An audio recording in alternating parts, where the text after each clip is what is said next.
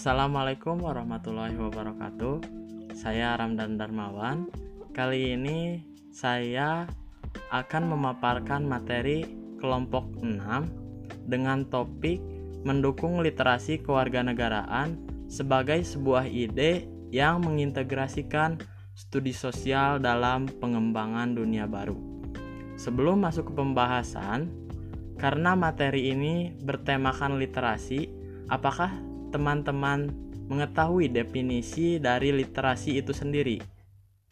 Jika teman-teman berpikir bahwa literasi adalah salah satu kegiatan membaca, itu pula tidak salah. Namun, secara umum, literasi dapat diartikan sebagai seperangkat kemampuan dan keterampilan individu dalam membaca, menulis, berbicara, menghitung, serta memecahkan masalah pada tingkat keahlian tertentu yang diperlukan dalam kehidupan sehari-hari.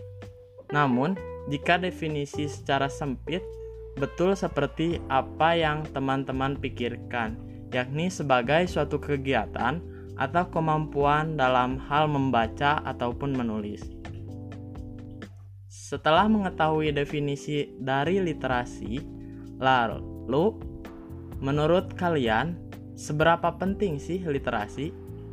Berkenaan dengan itu, peran literasi yang tercantum dalam pembahasan kali ini, menurut Merriam-Webster, literasi dibutuhkan warga negara sebagai kesanggupan menulis yang di mana umumnya didefinisikan sebagai kesanggupan dasar dalam hal membaca dan menulis.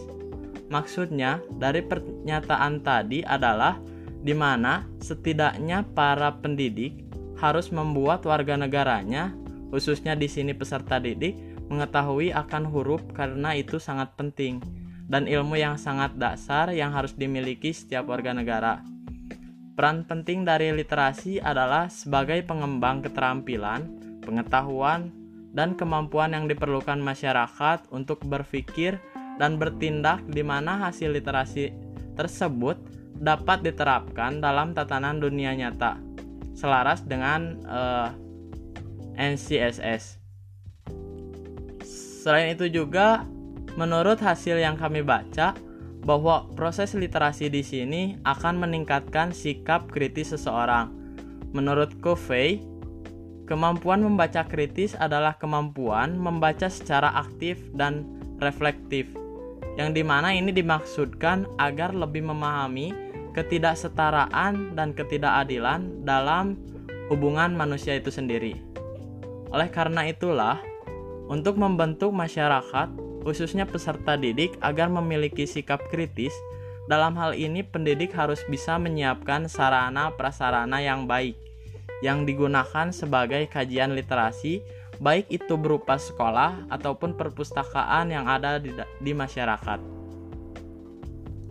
Selain itu juga pendidik bisa menggunakan alat media elektronik ataupun teknologi lainnya. Sementara itu, dari hasil yang kami baca bahwa sistem pendidikan di Amerika telah menjadi pusat perkembangan dari waktu ke waktu. Di mana masyarakat di sana berorientasi pada suatu tindakan yang diungkapkan dalam suatu proyek berbasis masalah Mengapa sistem pendidikan di Amerika bisa berkembang dengan cepat? Mungkin rekan-rekan ada yang tahu? Jika belum, maka akan saya ulas. Dikarenakan kebanyakan masyarakat di sana, khususnya pendidik, peka terhadap suatu isu yang dijadikan sebagai suatu desakan perubahan, sebagaimana terinspirasi oleh pengamat kebutuhan komunitas pembelajaran. Selain itu juga, Sebagian pendidik banyak yang melakukan sebuah penelitian dan pengumpulan data untuk dianalisis, yang di mana ini untuk mengembangkan suatu sistem pendidikan yang ada di sana. Hal yang paling penting adalah bahwa setelah melakukan analisis, para pendidik di sana langsung merealisasikan hasil dari penelitiannya sebagai wujud kepekaan untuk mengembangkan sistem pendidikan yang ada di Amerika yang di mana hal tersebut dimuat dalam suatu kurikulum. Dengan melakukan langkah-langkah tersebut, bukan tidak mungkin negara kita, Indonesia juga dapat membangun pelajar yang memiliki daya kritis yang tinggi terhadap suatu isu yang terjadi terhadap negara kita ataupun di lingkungan sekitarnya. Penyaji menemukan sebuah kata yang cukup menarik, bahwa para pelajar harusnya diajak berpikir untuk menangani suatu masalah dan menghasilkan suatu solusi untuk memecahkan suatu masalah tersebut. Bukan hanya sekedar disuapi ilmu-ilmu pelajaran saja, tetapi juga harus diajak memecahkan suatu masalah yang ada di sekitar. Ini bisa diterapkan di dalam kelas dengan metode pemecahan masalah, di mana seorang guru mengaitkan suatu materi dengan kejadian nyata yang terjadi di sekitar, dan peserta didik melakukan analisis, memberikan suatu solusi sebagai upaya penyelesaian masalah tersebut. Selain itu juga seorang peserta didik harus bisa mengaitkan suatu disiplin ilmu dengan ilmu lainnya dengan bantuan uh, pendidik itu sendiri.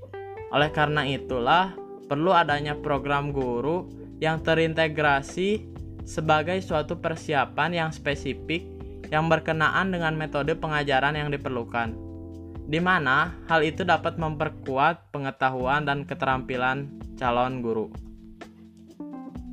Dalam buku ini, literasi tidak lebih dari strategi yang berguna sebagai ajakan untuk dapat bertindak dengan benar.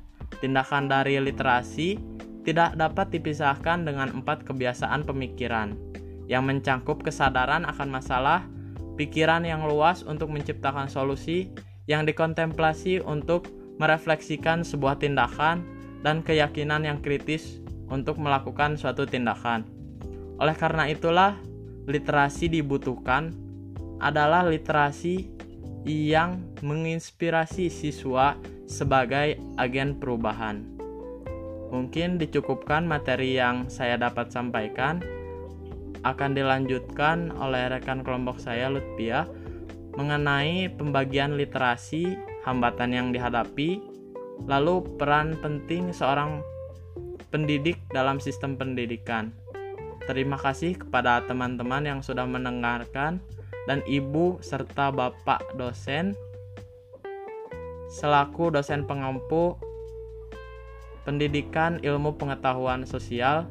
Semoga ini bisa sedikit menambah pengetahuan khususnya bagi saya sendiri, umumnya bagi teman-teman sekalian. Wassalamualaikum warahmatullahi wabarakatuh.